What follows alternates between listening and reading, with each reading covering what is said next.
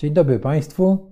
Witam Państwa na czwartym wykładzie. Z nami I ja jest, się kłaniam. jak zawsze na wykładach o Indiach, jest z nami e, profesor Maria Krzysztof Byrski. Proszę Państwa, dzisiaj wykład czwarty, który y, zatytułowaliśmy, czy Pan Profesor zatytułował Epoka dominacji angielskiej, trzecia kolonizacja subkontynentu indyjskiego. Trzecia, bo przypo- przypomnijmy, o czym mówiliśmy. Pierwsza kolonizacja to byli Ariowie, czyli ten lud, który wywędrował z, Ana, z Anatolii. z Anatolii, Najprawdopodobniej. y, z nadmorza Czarnego, dzisiaj Turcja i osiadł y, na Półwyspie i tam napotkał inną cywilizację albo, albo resztki po tej cywilizacji, tego nie jesteśmy pewni, jak rozumiem, tak?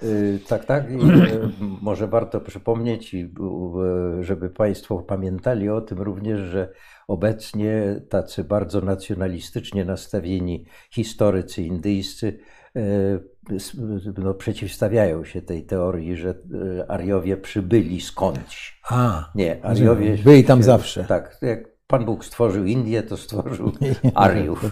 Raz- Rozumiem. Więc to była pier, y, pierwsza koloni, w pierwszym wykładzie to była ta pierwsza kolonizacja, druga to byli muzułmanie, Tak. y, no, które to trwało od y, wieku XIII do XVII prawie, tak, do, No i tak, dłużej, tak? tak, Jest- troszkę nawet dłużej. t- jeszcze. tutaj wspomnimy o tym, rozumiem, że islam się nie, nie przyjął w Indiach i no, sam, i sam y, się jak gdyby zdegenerował też. Znaczy, ja bym nie, Tak, ja bym tak tego nie określił. Nie, I, y, islam do dziś istnieje w Indiach.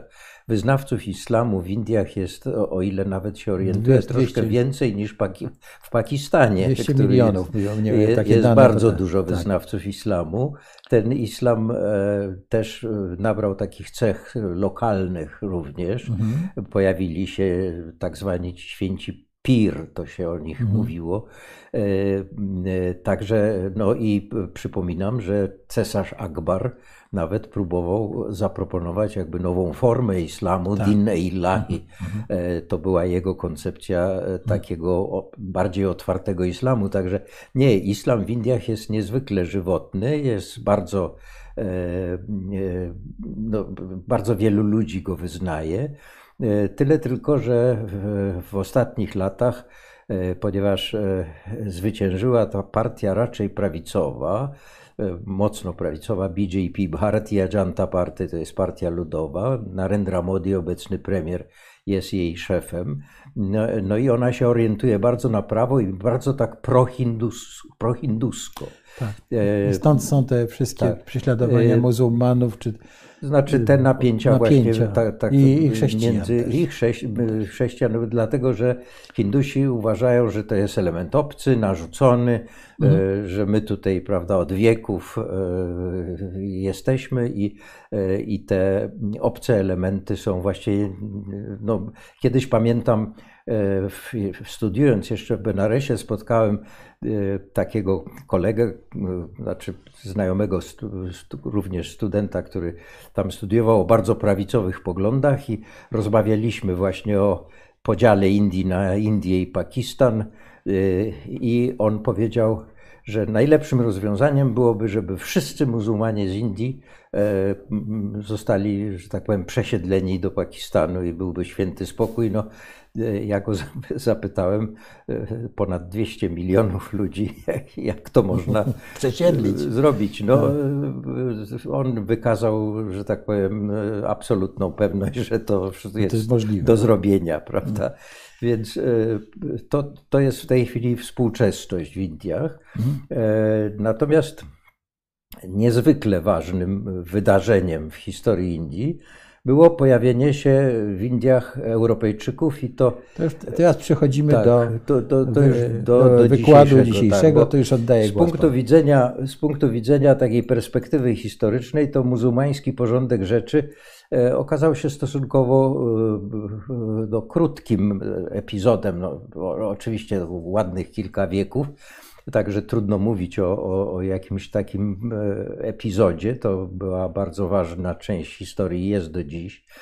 Przypomnę przecież, że w pewnym momencie cesarstwo Mogołów było uważane za jedno z najpotężniejszych państw na świecie w ogóle, a carowie rosyjscy wysyłali inżynierów znaczy wysyłali delegacje, żeby sprowadzić inżynierów do budowy mostów z Indii. Także e, to była e, informacja, która mnie uderzyła kiedyś. A w tym największym rozmachu e, terytorialnym to było od Andaluzji, czyli od Hiszpanii, no, a, tak, aż to po znaczy, Indię, to, to, brzegami to znaczy islam. Oczywiście to nie było jedno państwo, tak. no ale to było powiedzmy tak jak Chrystianitas, prawda, z tak. Rzymem cała, całą Europę obejmowało w pewnym momencie, to tak. prawda, to było podobny, podobny układ. W, w gruncie rzeczy e, Anglicy pojawili się w Indiach, e, a właściwie Europejczycy najpierw, bo chciałbym kilka słów powiedzieć o pierwszych Europejczykach.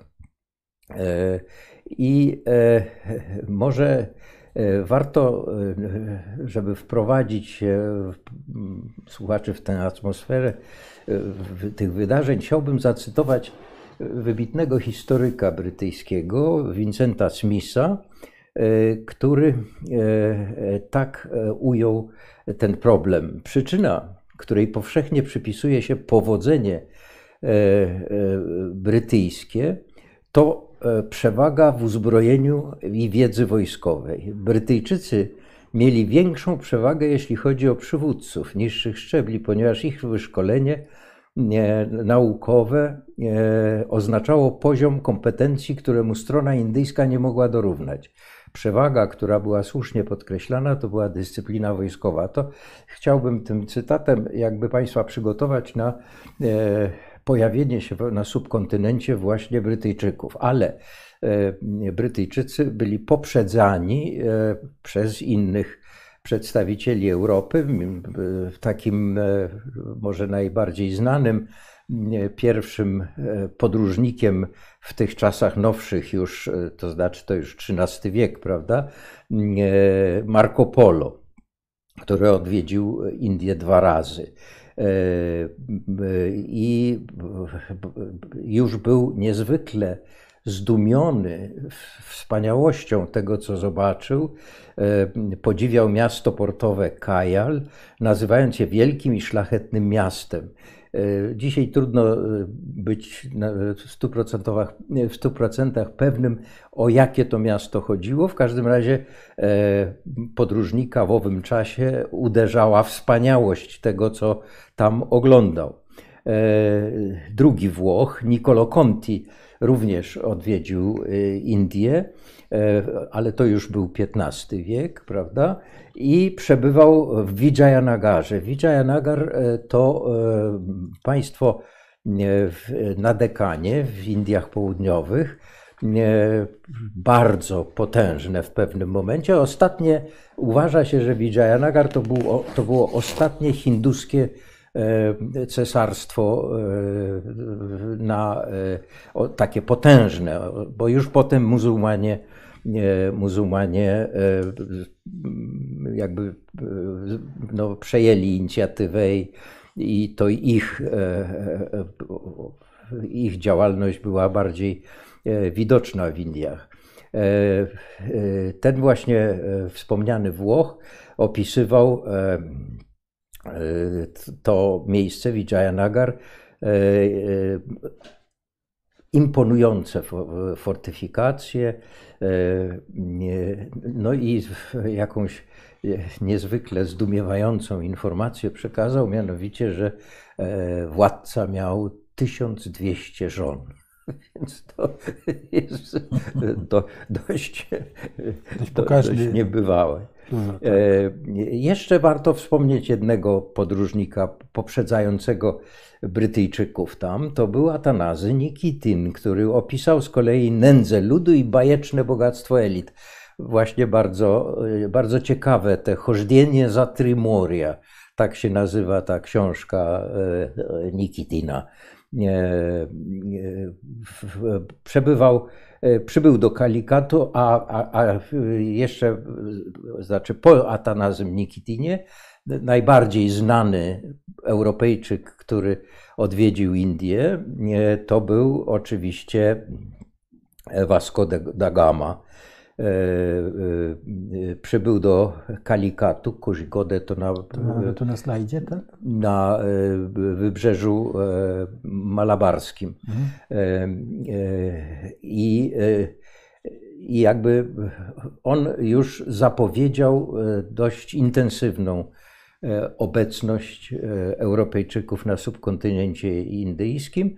W rezultacie tej e, zainteresowania Portugalczyków to cały czas chodziło o ten e, kluczowy, e, powiedziałbym, towar ówczesny, czyli przyprawy. Przyprawy mhm. były to, chodziło i w gruncie rzeczy, nie wiem czy ja już wspominałem o tym, ale te przyprawy to był strategiczny, że tak powiem, towar, ponieważ głównie pieprz służył do konserwowania mięsa dla wojska. Dla, dla armii nie było wtedy innych możliwości. Mhm. E, tutaj może jeszcze warto wspomnieć, e, e, warto wspomnieć Francisco de Almeida, który był pierwszym, został pierwszym wicekrólem, wicekrólem Indii, oczywiście w posiadłościach portugalskich. Tutaj na E, na, na, tym, e, na tym obrazie widzimy, e, widzimy Albuquerque. To jeden właśnie z władców w Goa, który, który zasłynął takim, raportował do, do króla E, w Portugalii. E, już nie do końca będę pamiętał e, cyfry, ale 5 tysięcy nawróciłem, czy, a 10 tysięcy, którzy się nie chcieli nawrócić, przyłożyłem do miecza.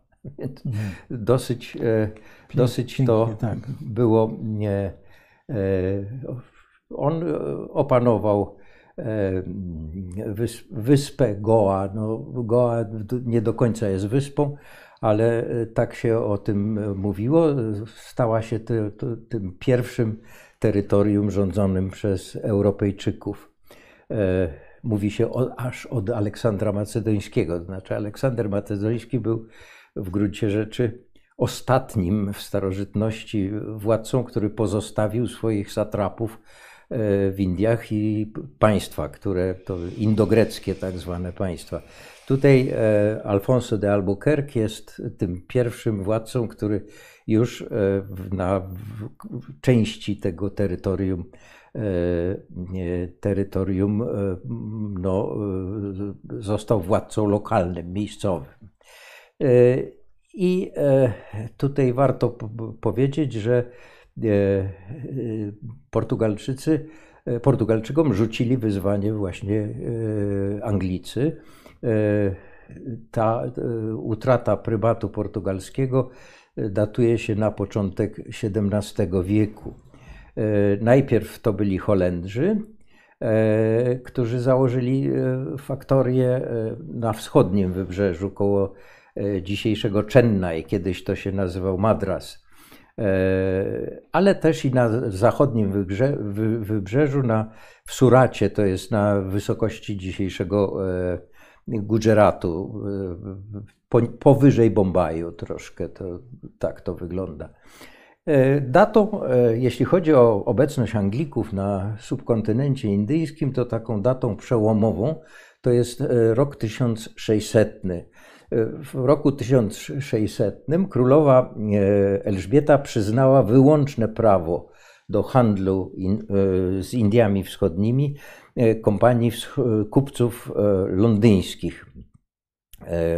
I w 1612 roku, już 12 lat po tym edykcie przyznającym im wyłączne prawo do handlu, Anglicy ostatecznie wyparli Portugalczyków z Suratu I te, to miejsce stało się tą pierwszą siedzibą kompanii wschodnioindyjskiej. Tutaj, ponieważ pojawia się po raz pierwszy tu w naszym dzisiejszym, w naszym dzisiejszym spotkaniu to ta nazwa kompanii kupców wschodnioindyjskich, chciałbym zwrócić Państwa uwagę, bo zupełnie przypadkowo w poprzednim numerze, bo to nie jest ostatni numer polityki, pojawił się, pojawiła się rozmowa E, rozmowa z e, wybitnym zresztą e, znawcą, historykiem Indii, Williamem Daly Rimple. Najeźdźcy Skorpo, może tu pokażę stronę tytułową. I jest to znakomita, znaczy rozmowa dotyczy tego, ale jego książka pod tytułem Anarchia olbrzymia książka, która wyszła zresztą po polsku i jak przeczytałem ten, e, tą rozmowę z nim, natychmiast pobiegłem i kupiłem sobie tę książkę, ponieważ to jest opasły tom, więc nie, nie bardzo e, mogłem go przywieźć tutaj, żeby mhm. zobaczyć, bo e, żeby pokazać wszystkim, ale jest to znakomita analiza nie z, z, takiego bardzo współczesnego punktu widzenia, to znaczy, ponieważ w tej chwili mamy też te olbrzymie, między, właściwie y, trudno powiedzieć międzynarodowe, y, ponadnarodowe y, przedsięwzięcia, te kompanie, no takie, prawda, wszyscy znamy. To jest jakby pierwsza tego typu, pierwsze tego typu zjawisko, gdzie nie państwo w gruncie rzeczy podbiło Indię, tylko podbiła Indię E, właśnie korporacja. Taka korporacja e, kupców nastawiona e, wyłącznie na zysk. Na zysk no. Wyłącznie na zysk. Proszę Państwa, cóż się dzieje? No, kompania wschodnioindyjska bardzo mocno się usadawia w, na terytorium, najpierw w Indiach, e, na Wybrzeżu Zachodnim, prawda, w Suracie, tak jak wspomniałem, e, ale e, bardzo wkrótce pojawia się również pierwsza angielska fortyfikacja w Indiach. To w 1625 roku już tak, to nie państwo, nie królestwo Wielkiej Brytanii, tylko właśnie ta kompania wschodnioindyjska, e, ona tam e, buduje sobie e, fortyfikacje. W, w, połowie XVII wieku, czyli 1647, Anglicy byli już znakomicie usadowieni na terenie Indii. To był fort świętego Jerzego, wokół którego powstało miasto, które kiedyś nazywało się Madras, dzisiaj się nazywa Chennai. E, jakby, no właśnie na, na tej fali takiego jakby pozbywania się naleciałości obcych, e, postanowiono pozmieniać wszystkie nazwy, które, e, które tak zanglicyzowali Anglicy. Na przykład Kalkuta, Kalka, to Kalkata to już to, to jest Kolkata, prawda? Najlepiej byłoby Kalighat, to w gruncie rzeczy jest E, wybrzeże bogini Kali. Kalighat. Mhm. E, no, Delhi to też nie Delhi, tylko Dilli powinno być. No i Madras, nie Madras, tylko Chennai. E, proszę Państwa, tutaj, ale oczywiście to nie było tak, że ta kampania wschodnioindyjska działała wyłącznie, że tak powiem, na własny rachunek, bez, żadnych, bez żadnego wsparcia ze strony, ze strony E, władzy e, brytyjskiej. E, w 1661 roku Katarzyna z Braganzy, żona Karola II, wniosła w Posagu, dzisiejszy teren dzisiejszego Bombaju. Tam w pięć lat potem zbudowano, zbudowano fort Fort William. E, e, to, to znaczy, przepraszam, Bombaj to jest osobna sprawa, a Fort William to jest Kalkuta, to jest już na wschodnim wybrzeżu, u, w, w delcie Gangesu i Brahmaputry ale to już są te, pojawiają się te, że tak powiem, forty, fortyfikacje, które oznaczają, że kampania wschodnioindyjska zaczyna, że tak powiem, traktować ten teren jako własny i zaczyna i ma w tych miejscach takie stałe oparcie. Jeśli chodzi o e, ten par excellence okres brytyjskiej historii Indii, to on się datuje od e, bitwy pod Palasi w 1757 roku. To jest e, bitwa, w której Robert Clive pokonał Nawaba Sirajud-Dowle E, i e, z kilkuletnią przerwą zresztą, ale funkcję, pełnił funkcję gubernatora do 1767 roku. E, dwa lata przed końcem tego swojego panowania tam, Roberta Clive'a, uzyskuje dla kampanii tak zwane diwani na Bengal, Bihar i Oryssę. To diwani to znaczy prawo do zbierania podatków. E, także już e, e, kompania wschodnio, ta, ta kampania wschodnioindyjska, kompania wchodzi w rolę w gruncie rzeczy administratora i władcy tych terenów. Niestety nie udaje się, te, te zmiany powodują jednak chaos i znaczne rozprzężenie. Nie udaje się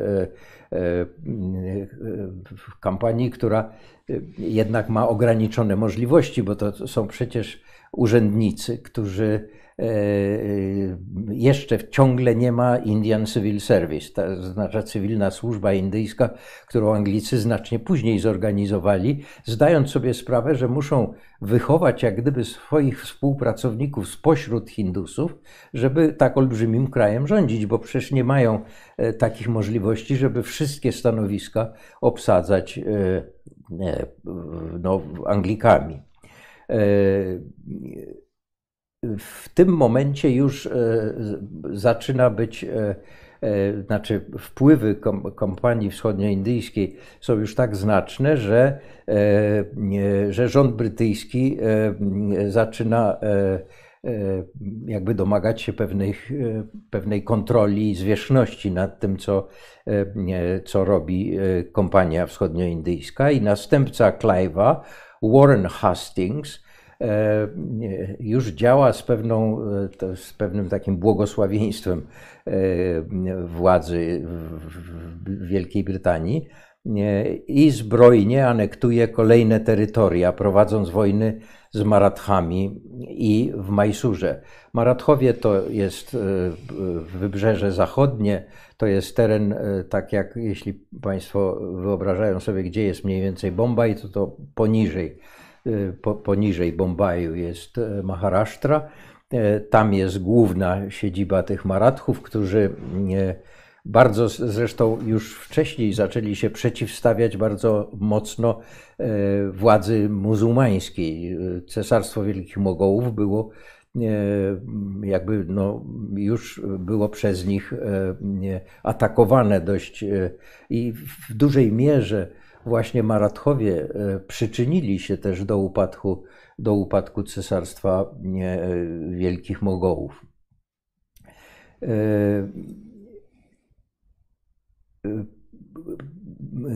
kompania wschodnioindyjska przechodzi już jak gdyby pod kontrolę parlamentu indyjskiego za czasów rządów Charlesa Cornwallisa, czy Lord Charles Cornwallis. E, to są lata 1786-93 i działania kompanii już zaczyna bezpośrednio kontrolować parlament i rząd brytyjski. Tutaj się może posłużę takim cytatem. W okresie rządów Cornwallisa motywy finansowe i handlowe ustąpiły miejsca motywom politycznym.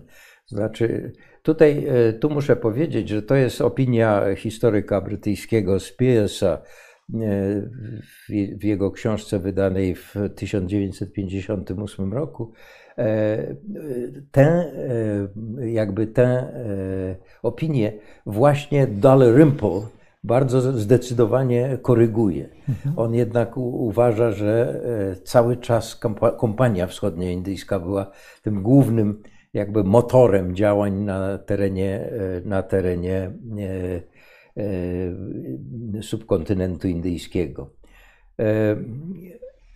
W każdym razie jednak to nie było tak, że zupełnie kompania wschodnioindyjska była e, absolutnie bez, bez żadnych, że tak powiem, kontroli, e, działała na terenie indyjskim. E, jak powiedziałem, jednak były tam, była, był jakiś zakres kontroli i tutaj jest właśnie ważne, że ta indyjska służba publiczna, Indian Civil Service, zostaje wtedy właśnie przez za panowania rządów, za czasów rządów Cornwallisa powołana do, e, do, do życia, e, do funkcjonowania i która ostatecznie w pierwszej połowie XIX wieku już okrzepła i stała się takim e, no, zaczynem bardzo intensywnej powiedziałbym, anglicyzacji administracji indyjskiej. E, to, to bardzo było znamienne. E, e, na przełomie stuleci, czyli to będzie XIX, XVIII-XIX wiek, Anglicy właściwie zaczynają już coraz coraz bardziej kontrolować e, wszystko to, co się dzieje na subkontynencie indyjskim. E, I e, kontrolują jakby większość władców indyjskich. To nie jest, to nie jest tak, że oni likwidują te królestwa, księstwa, zastępują własnymi rządami. Nie. Oni po prostu kontrolują, a ponieważ bardzo sprytnie, bo to trzeba powiedzieć, e, to jest bardzo ważne, bardzo umiejętnie wyzyskują konflikty lokalne pomiędzy różnymi władcami e, e, indyjskimi i jakby głównym ich narzędziem wpływu jest organizacja wojska E, musztra, dyscyplina. Ja już pomijam oczywiście e, e, przede wszystkim broń, broń palna, która się pojawia wraz z Europejczykami na subkontynencie. To, to są te elementy, które, którymi jak gdyby poszczególnych władców uwodzi, uwodzą Brytyjczycy, bo wyposażają ich armię, no i nie tylko zresztą w, właśnie w broń, ale przede wszystkim e, musztra, organizacja i e, jakby dyscyplina na polu walki. To nie, już nie jest tak, że e, jakieś dwa E, przeciwne chówce na siebie, że tak powiem, nacierają i e, każdy się broni w pojedynkę, tylko to już jest zorganizowane pole bitwy. Wiadomo, e, jak Brytyjczycy to organizowali. Jak był atak, to pierwszy rząd klękał, i, a z drugiego i strzelali na, na, na, niższym poziomie, prawda, do nacierających, a pozostali stali i, i strzelali dalej na wyższym poziomie. Także y, te, ta, ta, ta jakby aktywność na polu bitwy y, w nowoczesnych, na, na owe czasy, w no, nowoczesny sposób, ona była jakby przełomowa w tej, e, w tej sytuacji. E, aha, mamy tutaj, e, mamy tutaj e, obrazek, który właśnie próbuje oddać atmosferę jak po bitwie pod, Plas, pod Plassi, którą, o której wspomniałem, Lord Clive, zwycięzca w tej bitwie, spotyka się z, ze zwyciężonym Mir Jafarem. Tak sobie artysta angielski wyobrażał tą scenerię. Oczywiście słoń, prawda, na którym władca indyjski musiał przyjechać, e, a e, Clive oczywiście raczej wierzchow, wierzchowiec. Tak, jakie jest przesłanie tego obrazu tutaj według wyobrażenia oczywiście artysty? No, no, nie, bo jak się kogoś pokonuje, to na ogół go się sadza do więzienia albo bierze do niewoli. Nie, nie, nie. A tutaj no, nie tutaj, mamy takiej. Nie, nie, nie, bo tu e, e, polityka Brytyjczy, Brytyjczyków była taka, że e, oni nie chcieli zastępować. Mhm. To, to nie było tak jak w naszych nowoczesnych czasach, że jak jakaś partia zwycięża, to wyczyszcza całą administrację i swoich e, do, do sprzątaczki. ludzi, do sprzątaczki, prawda, tak. swoich ludzi.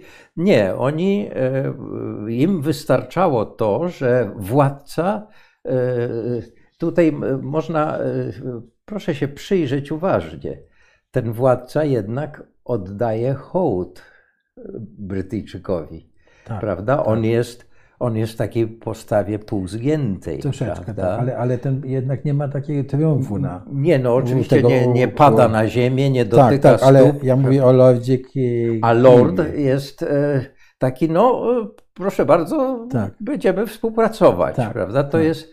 E, no i ta symboliczna flaga, rozumiem, e, właśnie, ówczesnej... Brytyjska, brytyjska. Właśnie, więc to e, bardzo dziękuję panie prezesie, że pan zwrócił uwagę, żeby porozmawiać o tym tak. E, no, obrazku. Oczywiście to jest wyobrażenie artysty angielskiego. Tak, tak, ale ja mam takie przekonanie, że ono oddaje atmosferę taką, bo to nie chodziło o to, żeby właśnie na przykład, nie wiem, skuć w kajdany tego zwyciężonego władcę, wrzucić do więzienia, prawda? To, to nie chodziło o to. Mhm. Nie, na polu bitwy była E, tak jak troszkę w sporcie, prawda? No, tak, myśmy czyli, zwyciężyli, czyli, to nie, teraz... Czyli nie, nie Mikołaj pierwszy i Kościuszko, tak? E, nie, nie, nie, absolutnie nie. E, chodziło teraz o to, że dobrze, teraz ty będziesz naszym lennym władcą, mhm. prawda?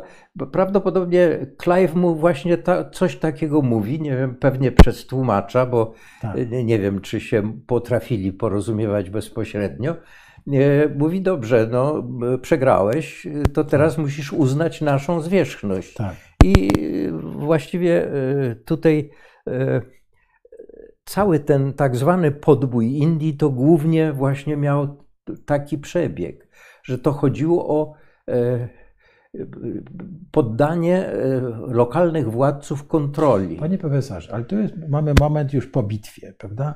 Tak. Czy w tej bitwie walczyli żołnierze brytyjscy, czy też y, e, już walczyli y, żołnierze, znaczy i dokładnie, Hindusi? Do, dokładnie nie wiemy, czy jakie były ten, ale e, na pewno większość to byli jednak Sipajowie, e, czyli zaciężni żołnierze indyjscy.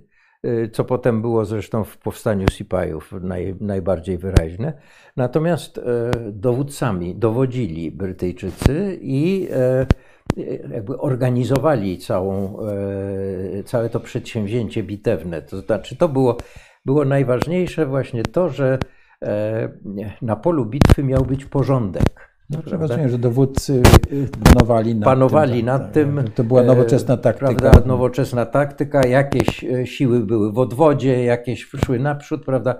Także e, oni potrafili to tak zorganizować, a jednak no, Hindusi jeszcze jeszcze czas to już był zresztą postęp, y, kiedy pojawili się muzułmanie z kawalerią, prawda? Mhm. A, ale y, ciągle to było troszkę tak jak y, w Panu Tadeuszu.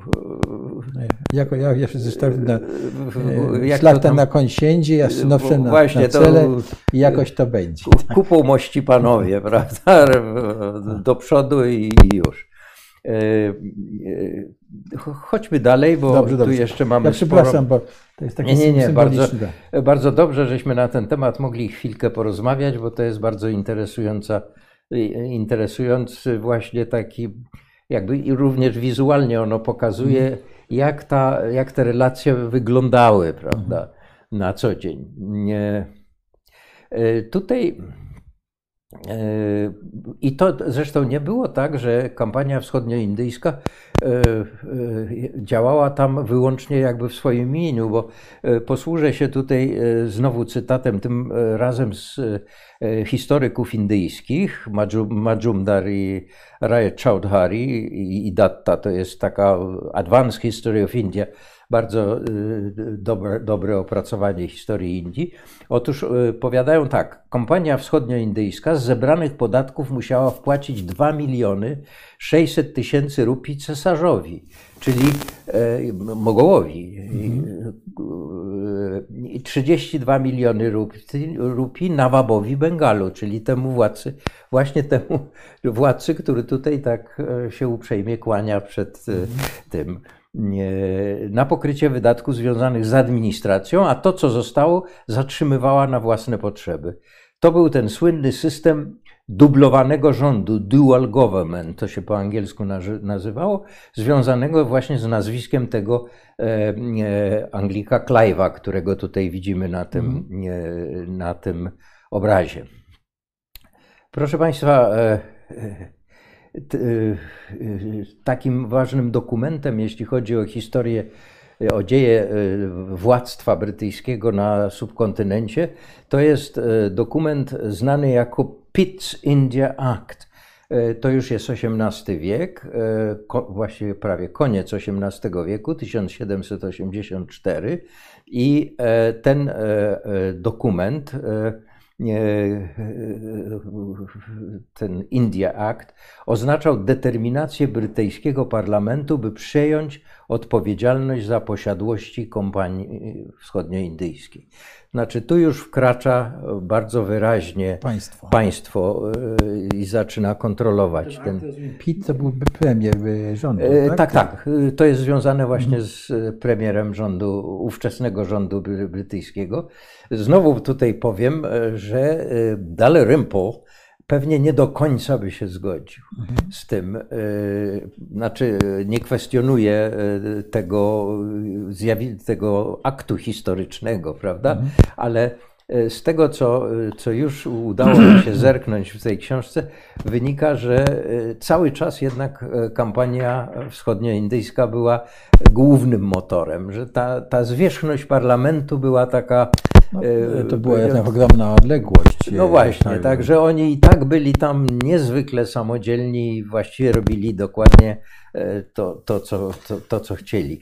E, proszę Państwa, ale z nazwiskiem Cornwallisa właśnie wiąże się też e, taka, e, dzisiaj byśmy powiedzieli, akcja antykorupcyjna. Mhm. Bo on rzeczywiście zdecydowanie oczyścił administrację z kampanii z korupcji, zastępując systemem takich, system prowizji przyzwoitymi stałymi pensjami.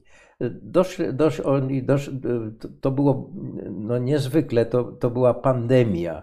E, chciwość tych ludzi była tak wielka. No, tych urzędników. Tych urzędników rabowali w sposób zupełnie bezlitosny, e, co się dało. Natomiast on właśnie postanowił e, jednak przyznać im tak dobre pensje, żeby nie, nie, nie mieli pokusy y, dorabiania na boku, jakbyśmy dzisiaj powiedzieli, prawda? W ten sposób zostały położone, tu znowu się po, po, e, pozwalam sobie po, posłużyć się cytatem, też właśnie z tych historyków indyjskich już. E, w ten sposób zostały położone podwaliny pod dobrze wynagradzaną, charakteryzującą się uderzającą uczciwością i przepojoną duchem służby publicznej Indian Civil Service, która rządziła Indiami w XIX wieku. No, muszę e, jeszcze raz powiedzieć, że tutaj Dalrymple miałby pewnie sporo do, e, sporo korekt. E, no tak, bo rozumiem, że my mamy dużo źródeł brytyjskich, a, a, a tak, historycy Indii. Zresztą z tej książki dowiedziałem się, że Dalrymple spędził bardzo dużo czasu w archiwach również w Indiach, Mhm. w archiwach tych mogolskich jeszcze. Mm. E, m, miał pomocników. Także w gruncie rzeczy. e, Głębokie badania. Ja, słucham? Głębokie badania. takie Bardzo głębokie ten- badania. On jest w ogóle, on stale mieszka w Indiach. Mhm. E, W, okolicach Delhi ma tam posiadłość swoją. E, I e, te, ta jego książka jest oparta na niezwykle pierwszy raz zresztą opracowywanych dokumentach. Więc z góry uprzedzam Państwa, że jak Państwo sięgną po tą książkę, to te wiele z tych opinii, które, którymi ja się z Państwem dzielę, będą musiały być prawdopodobnie skorygowane. Ja sam No, tak. Jestem w trakcie lektury tej książki i też będę, e, będę te swoje. e, No, ale historia to jest takie dochodzenie do prawdy. no prawda? tak, to, Także- to jest ciągle, Tak. tym bardziej, że właśnie on się dokopał do e, e, nieznanych do, dotąd dokumentów e, w języku urdu, prawda, po persku. E, Historycy, szczególnie wykształceni historycy e, w języku angielskim, prawda, w uczelniach angielskich, nie wszyscy mieli dostęp do tych.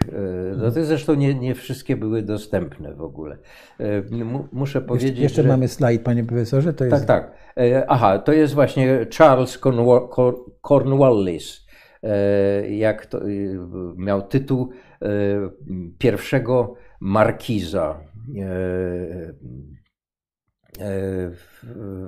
W- i- No i tytuł Earla, to nie wiem, Earl, książę czemu był- odpowiada, czy to księciu odpowiada, Tak, czy... chyba tak. Chyba tak, księciu. Earl. Ja tylko, jeśli mogę tu dodać, że ten sam Lord Cornwallis jest nam znany ze Stanów Zjednoczonych, bo on A, no był, tak, tak, tak, prawda, tak. że jak Tak. obejrzymy film y, Patriota z Melem Gibsonem, to tam A, jest, no to właśnie, tak, dość tak, bo on- pozytywną postacią. Bo, bo tam zresztą e, właśnie o tym Dalrymple e, pisze, e, chyba tak mi się wydaje, że ja to u niego znalazłem właśnie, mianowicie, że w pewnym momencie był popłoch tam, czy ten Cornwallis nie wróci i czy e, e, Anglia nie zrobi tego samego z Ameryką, co z Indiami.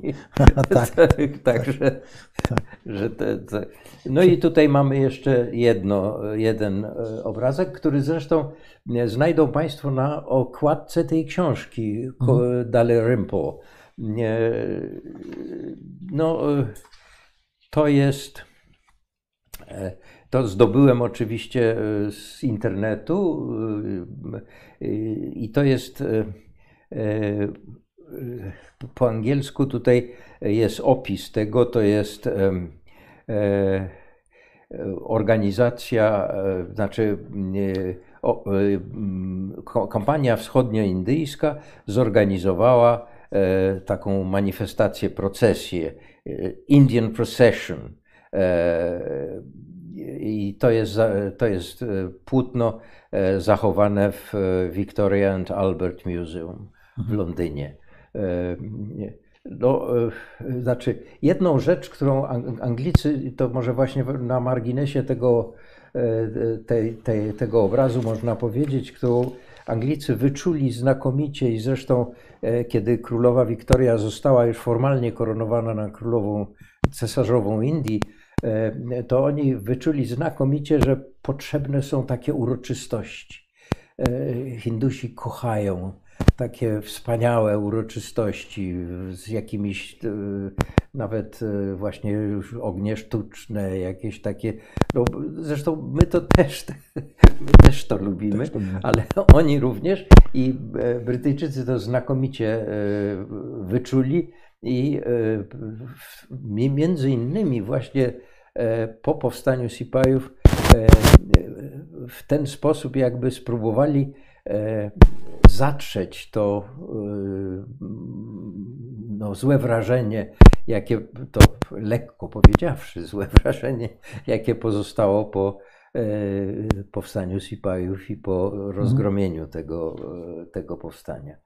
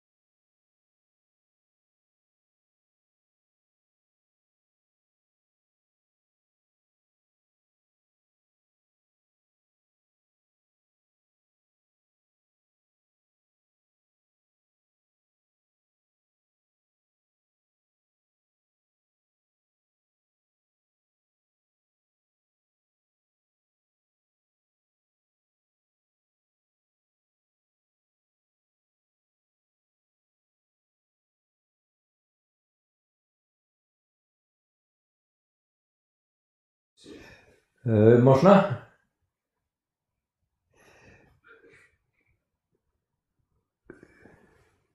Chciałbym e, tutaj wspomnieć e, wydarzenie, które, któremu ja przypisuję. To już jest moja autorska, moja autorska propozycja. Możemy zresztą pokazać kolejne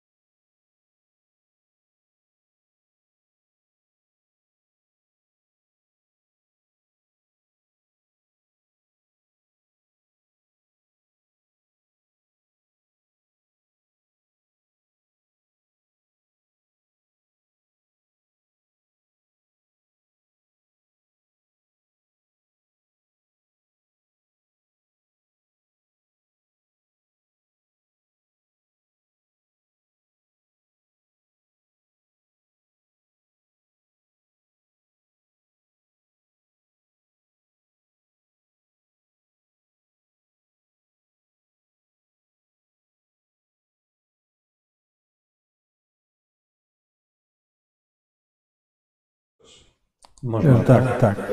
Otóż e, chciałem tutaj przedstawić taką już swoją oryginalny, oryginalny pomysł mhm. w interpretacji e, dziejów e, angielskich w Indiach.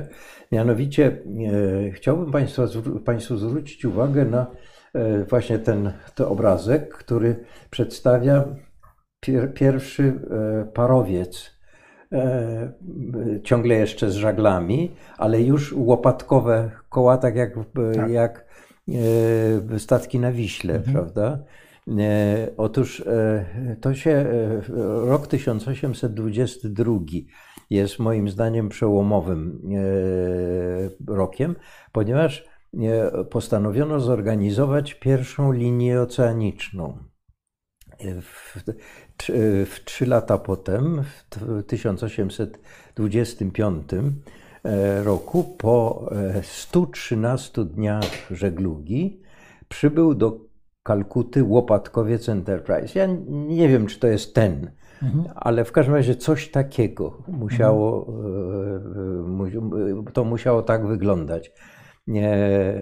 W 1853 E, z kolei Peninsular and Oriental Navigation, e, czyli e, no, półwyspowa, tak, peninsular i orientalna nawigacja, tak, tak się to przedsiębiorstwo nazywało, zakupiła parowiec ślubowy Himalaja. Już się pojawił parowiec ślubowy, mm -hmm. już nie, nie łopatkowiec. Nie, i e, co to wszystko oznaczało? To oznaczało ułatwienie kontaktu z Anglią, jeszcze ciągle dookoła e, Afryki, bo jeszcze e, Suezu, kanał sueski nie był przekopany. Angielskie i w, wtedy przybywają do Indii angielskie kobiety. Mhm. I kończy się szansa na jakby zindianizowanie Anglików, którzy tam, bo oczywiście większość przedtem Większość tych Anglików, jeśli nie żony, to konkubiny indyjskie, bardzo wielu e, przyjmowało taki styl życia jak Nawabowie indyjscy, jak lokalni władcy, prawda, pałace i tam dalej. No i była, była całkiem była możliwa taka e, jakby wsiąknięcie tych ludzi, tych mężczyzn w ten kontekst społeczny indyjski. Jako partnerki ich byłyby hinduski czy muzułmanki, prawda? I to się skończyło, ponieważ Anglicy zaczynają przybywać do Indii razem z rodzinami. Mhm. Mam nawet taki obrazek z tamtego okresu, Wigilia w Indiach, e, właśnie rodzina e, brytyjska i służba dookoła hinduska, oczywiście bardzo taki znamienny. E, także ten rok, czyli może pierwsza ćwierć XIX wieku, 22, 25, 53, to jest ten pierwsza połowa XIX wieku, to jest ten moment, kiedy E, w, Indii, w Indiach pojawiają się angielskie kobiety, które już będą pilnować e, swoich mężów, żeby za, za bardzo się z Indiami nie integrowali. E, I jakby to oznacza, że nie, nie, stanie się coś takiego, co się stało z muzułmanami, którzy się całkowicie jakby zintegrowali w sensie, e, powiedziałbym, takim bytowym, oczywiście nie religijnie, bo nie nawracali się na hinduizm, mm. ale jakby odnaleźli się. E, muzułmanie indyjscy są, e, że tak powiem, absolutnie miejscowymi ludźmi. Oczywiście po pobycie Anglików w Indiach zostali tak zwani Anglo-Indians. Jest, jest to pewna grupa osób niezbyt liczna, to są właśnie potomkowie mieszanych małżeństw głównie, którzy odgrywali w administracji kolonii brytyjskiej bardzo ważną rolę, bo to byli ludzie, którzy e, z jednej strony mając powiedzmy ojca e, Anglika, matkę e, hinduskę, bardzo swobodnie się, że tak powiem, obracali w obu środowiskach, więc to było dla nich bardzo, bardzo pomocna grupa ludzi, która pomagała dobrze zarządzać Indiami. Na przykład koleje indyjskie to była, to była taka specjalna właśnie enklawa, gdzie najwięcej pracowało tak zwanych Anglo-Indians. Prawda? E, proszę Państwa, i tutaj e, trzeba wspomnieć nazwisko, e, które nas, indologów, zawsze niezwykle irytuje, powiedziałbym. To jest Lord Thomas Babington Macaulay. 1800-1859, nie, nie, nie, nie żył zbyt długo, ale jest to człowiek, który reformuje szkolnictwo i prawodawstwo w Indiach. Ten, e, ten człowiek w 1834 roku zostaje powołany na przewodniczącego Komisji Oświecenia Publicznego, Committee of Public Instruction. E, po roku jego opinia przeważyła nad opinią tzw. Tak orientalistów. E, którzy byli zwolennikami orientalnego modelu edukacji w Indiach. E, tutaj się znowu podsłużę cytatem. E, mianowicie uruchomione fundusze wydano na przekazanie lokalnej ludności wiedzy o angielskiej literaturze i naukach ścisłych przy pomocy języka angielskiego. Lord Macaulay zasłynął takim powiedzeniem, że jedna półka w bibliotece e, w British Library jest więcej warta niż cała tradycja literacka Indii. No, e, dla indologa, takiego jak ja, który się interesuje e, tą no, tak, najstarszą tak, literaturą na, wedyjską. Na, na tak? To, to jest po prostu coś niedopuszczalnego. Jest takie tak olbrzymie bogactwo, jeśli chodzi o tradycję słowa najpierw mówionego, a potem słowa pisanego, bo proszę pamiętać, że e, wspominałem o tym, że ta literatura wedyjska była przekazywana ustnie. I teraz taki człowiek przychodzi, on e, oczywiście nie zna sanskrytu, nic na ten temat nie wie, i tak, taką opinią się dzieli, więc no, dla nas indologów to, to, to jest coś nie, nie, zupełnie niebywałego, ale muszę tutaj na marginesie powiedzieć, że i to nas wprowadzi w taki aspekt tej historii Brytyjczyków w Indiach, o którym chciałbym kilka słów powiedzieć. Mianowicie to nie było tak, że język angielski był narzucany e, przemocą niejako. E, nie, e, to właśnie Hindusi, szczególnie Bengalczycy, w Bengalu to było bardzo silne, jakby mieli takie poczucie, że żeby odzyskać inicjatywę, trzeba się jak najwięcej od tych Anglików nauczyć. Bo, e, proszę Państwa, e, sytuacja wyglądała tak, że e, w kontrze do Anglików zdecydowanej to byli muzułmanie, władcy muzułmańscy Indii, bo to ich władztwo było bezpośrednio zagrożone przez Brytyjczyków i to ich władztwo było E, przez Brytyjczyków, e, że tak powiem, nie, no, nie, tylko zagrożone, ale zlikwidowane, prawda? To głównie Brytyjczycy się przyczynili do tego, że w rezultacie państwo Wielkich Mogołów stało się w gruncie rzeczy po powstaniu Sipajów już wyłącznie takim ceremonialnym e, zabytkiem. Ta cała władza została przejęta przez władze kolonialne. I jakby Hindusi sobie zdawali z tego sprawę, że w jakimś sensie e, e, Bryty, Brytyjczycy mogą im pomóc e, odzyskać inicjatywę. Inicjatywę, powiedziałbym, polityczną oczywiście, ale również cywilizacyjną, jak gdyby jednak muzułmanie nadali bardzo wyraźnie nadali ton E, związany z myślą, z islamem, z myślą, z Koranem, z myślą e, opartą e, na tych wartościach. I Hindusi mieli to poczucie, że tutaj pojawia się taka siła, taka propozycja, która może im umożliwić przejęcie inicjatywy, i tak się zresztą stało. Ale wracając, bo to e, troszeczkę odszedłem od głównego nurtu tego, o czym chcę mówić, więc wracając do tego głównego nurtu, trzeba, e, proszę zapamiętać tego e, lorda Tomasza, Tomasa Bambingtona, Makole, Macaulay, on się pisze dokładnie. Tak. Mamy go tutaj na. A, mamy. A, jest, rzeczywiście, jest Macaulay, ale czyta się Lord Macaulay. E, o ile ja dobrze zapamiętałem tą wymowę. Otóż następną postacią, o której warto e, wspomnieć, to jest Lord Dalhousie. To już będzie XIX wiek, e, mniej więcej 48-56, jak on był, sprawował funkcję w, w Indiach.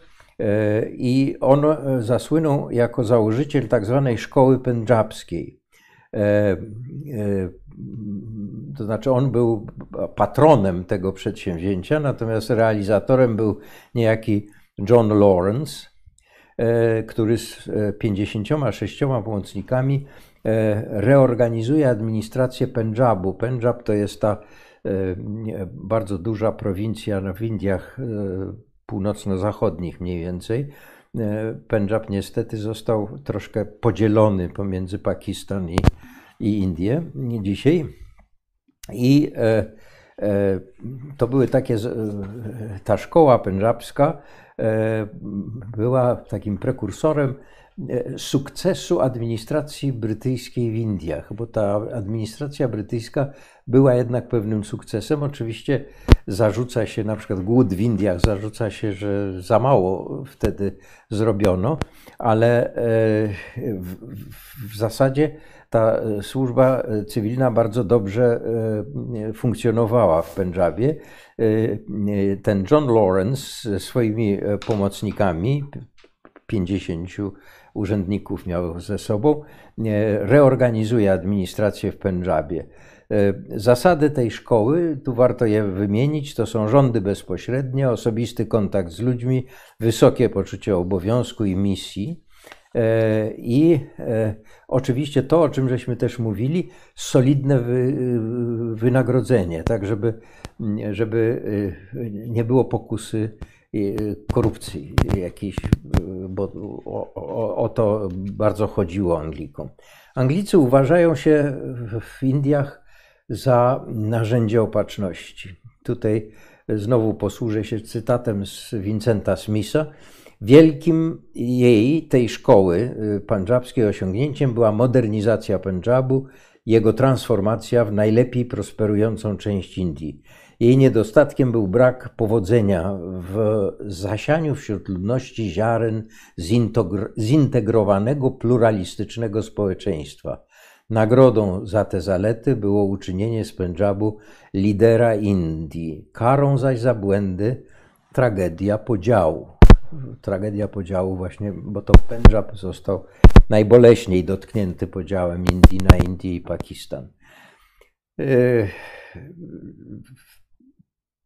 Tutaj, e, skoro jesteśmy przy Pendżabie, to warto może kilka słów powiedzieć o polityce brytyjskiej wobec poszczególnych państw indyjskich, bo znowu e, to nie jest tak, że Brytyjczycy jakoś wszystko, znaczy zdetronizowali wszystkich władców, e, jednym słowem zrobili taką urawniłowkę wszędzie, tylko nie.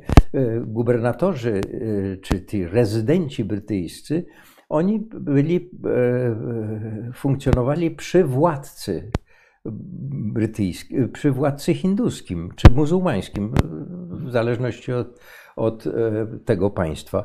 I ta polityka wobec państw indyjskich, które te państwa jednak jedną trzecią terytorium Indii pokrywały i e, e,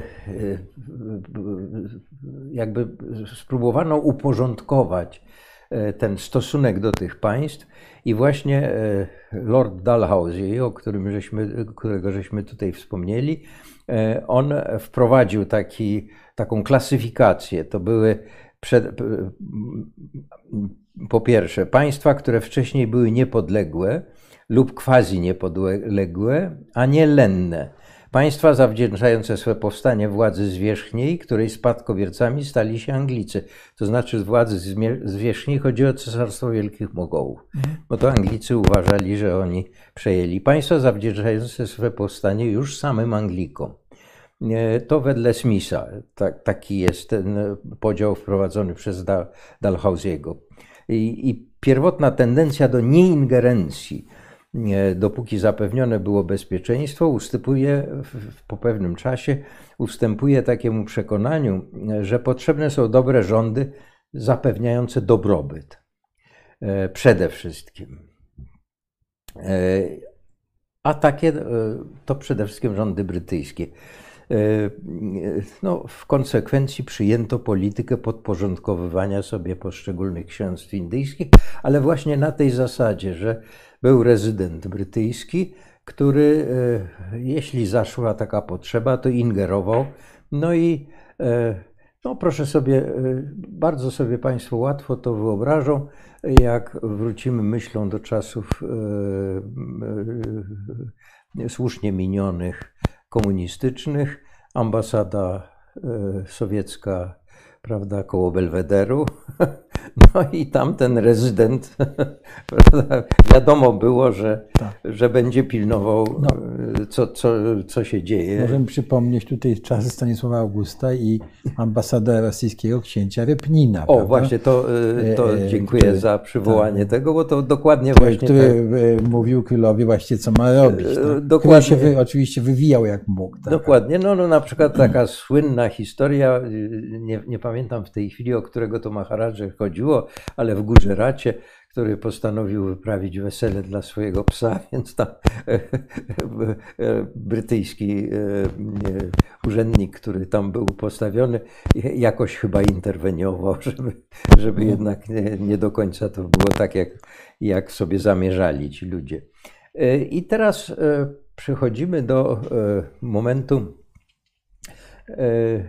No tutaj może dwa słowa na temat tego, co tutaj widzimy. To jest właśnie wspomniany Sir John Lawrence, który organizuje tak zwany darbar, czyli właśnie wielkie spotkanie, posiedzenie w Lucknow, jako on był wtedy wicekrólem. Już wtedy, wtedy tych głównych reprezentantów Wielkiej Brytanii, oni mieli tytuł wicekróla. Bo król był w Anglii, tak? Król był w Anglii, a to tak. był wicekról, Viceroy, prawda, tak się to mhm. Mhm. nazywało. Proszę Państwa, przechodzimy do kluczowego, jednego z kluczowych wydarzeń, jeśli chodzi o historię e, Indii brytyjskich, to jest powstanie Sipajów w 1857 roku. E, jak już wspomniałem, e, to nie było tak, że Brytyjczycy, że wojsko, które stacjonowało w Indiach, to było wojsko brytyjskie. To nie tak jak w Afganistanie, gdzie e, bardzo dużo było e, wojska amerykańskiego, gdzie myśmy Iraku. Tam oficerowie brytyjscy organizowali wojsko zaciężne. Hindusi i muzułmanie byli, e, byli powoływani do tego wojska. Oczywiście to nie było, to nie był pobór taki, jak sobie, jak mieliśmy na przykład za czasów komunizmu, tylko, tylko to, to się tym ludziom opłacało, bo oni o, o, otrzymywali żołd i całkiem przyzwoity. Więc ci sipaje e, to, by, to byli zaciężni ludzie, którym, któremu, którym płacono. E, E, I tutaj co się stało? E, w gruncie rzeczy ci żołnierze byli bardzo lojalni wobec swoich dowódców. Tutaj może warto jeszcze, zatrzymując się chwilkę nad organizacją tego wojska w Indiach, trzeba wspomnieć General Service Enlistment Act E, no to taki, mm, po polsku by się powiedziało, e, mm, no, ustawa o poborze, poborze prawda, e, który wydano w 1856 roku. I ten akt wymagał od każdego rekruta zgody na służbę wszędzie, a nie tylko na terenie Indii. To było pogwałceniem reguł kastowych zabraniających podróży zamorskiej. Więc e, chodziło o to, że e, zresztą e, indyjscy żołnierze jeszcze w czasie II wojny światowej, prawda, walczyli po, po, stronie aliantów przeciwko Niemcom. Mało tego, oddział, oddział Górków. Nie, nie, nie. Oddział pochodzący z Maharasztry. Mhm walczył pod Monte Cassino razem z Polakami. E, właśnie. Pułkownik e, Gaekład, e, mhm. pochodzący z rodziny panującej, zresztą w, w, tam właśnie w Kolhapurze, był częstym gościem tutaj u nas w Polsce i ja miałem przyjemność poznania go również. Niedawno zresztą otrzymałem od niego telefon, że jeżeli będę odwiedzał Indię, to chciałby się ze mną spotkać. Więc e, e, to taki Zwischenruf. Takie braterstwo broni pozostało. Słucham? Znaczy, rozumiem, że to braterstwo broni. Tak, tak, tak. Ale ja wspomniałem tych górków, bo w wielu wspomnieniach żołnierzy spod Monte Cassino są wspomniani Górkowie, czyli że, Górkowie, tylko że Górkowie to e, troszkę inny, e, bo to są e, zasadniczo z Nepalu. Znaczy to jest górskie, górskie plemiona. Tak, oni byli tak. takimi, takimi zwiadowczymi. Tak, tak. Świetnie się Bardzo poruszali dobrze, się jak duchy. Świetnie, tak. Świetni żołnierze, tak. tak. Ale wracając do tego aktu, który właśnie wymagał od nich całkowitego podporządkowania się i gdyby dowództwo chciało ich wysłać, nie wiem, do Mozambiku czy do Ameryki, to oni musieli się zgodzić. No a ciągle jeszcze w mentalności szczególnie Hindusów, bo muzułmanie byli może mniej do tego przywiązani, pod, pod warunkiem, że nikt nie będzie im e, e, e, używał tłuszczu do e, tłuszczu wieprzowego do smarowania naboi do, do muszkietów, tak. bo mhm. to, to też była taka, taki powód tego buntu. E, ale przede wszystkim Hindusi, którzy nie powinni właściwie przekraczać wielkiej wody, bo to było, mhm. to znaczy wielkiej wody, to znaczy granic Indii. No. Więc e, to już był taki jakby element irytujący tych podwładnych Sipajów, a właściwie może nie irytujący, ale powodem zaniepokojenia. Indyjscy żołnierze jednak bardzo dobrze funkcjonowali w tym angielskim drylu. E, ta właśnie dyscyplina, szczególnie dyscyplina na polu walki, jakby nie takie zupełnie niekontrolowana konfrontacja e, grup żołnierzy z ich przeciwnikami, ale to wszystko na polu bitwy powinno być zorganizowane. To było głównym e, zresztą elementem powodzenia e, tych w konfrontacji z lokalnymi wojskami lokalnych władców. To głównie, głównie to było ich takim, stanowiło o przewadze. E, e, ale to, czego nie rozumieli Brytyjczycy, dowódcy brytyjscy, to było, to było rezultat tego to było lekceważenie obyczajów, zarówno tych wynikających z hinduizmu, jak i tych wynikających z islamu, a przede wszystkim czegoś, co, co jest dla nas trudne do zrozumienia, ale czystość rytualna. To jest E, no, właśnie kontakt z wieprzowiną dla e, muzułmanów, e, kontakt z jakimkolwiek mięsem dla Hindusów. Także tutaj to były sprawy bardzo ważne. Co było takim zapłonem? Mianowicie dostarczono amunicję do muszkietów. E, ja nie wiem, jak to dokładnie funkcjonowało, ale e, ta amunicja do muszkietów wymagała tego, że trzeba było zębami od, e, przed załadowaniem jakiś taki, taką osłonę. I to głównie się zębami ściągało i ładowało do tego muszkietu.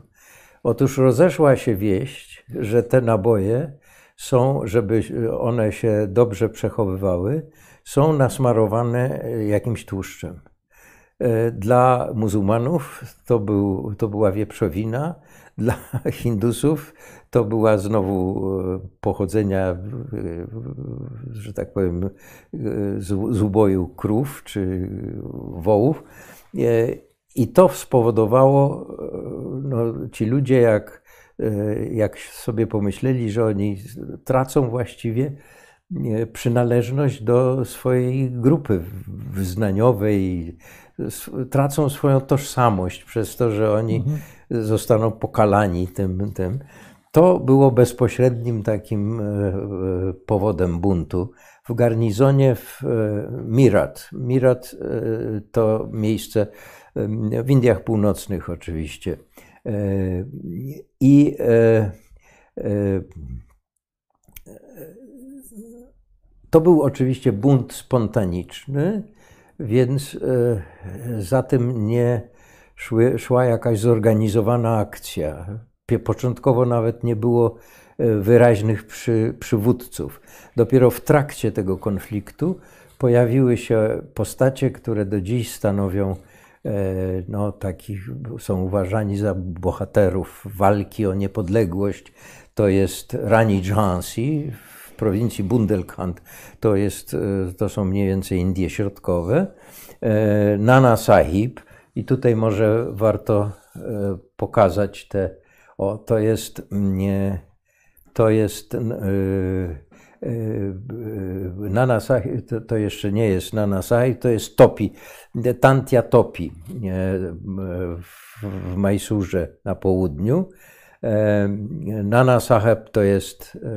Aha, to jest Rani Jhansi właśnie. To jest ta władczyni Jhansi, też w Indiach Środkowych mniej więcej, która właśnie zasłynęła jako, jako no, jest taką ikoną walki o niepodległość obok Nana Sahiba właśnie tego, e, który rządził w Kanpurze, w okolicach Kanpuru, to jest Uttar Pradesh, i e, Tantia Topi, e, jeszcze poprzedniej chyba, o, i Tantia Topi to teren Mysur był stolicą, czyli dzisiejsza Karnataka.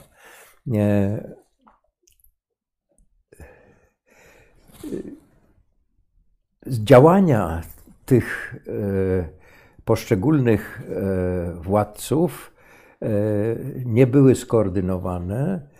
Anglicy oczywiście robili wszystko, co trzeba, żeby nie, nie dopuścić do jakiejś koordynacji.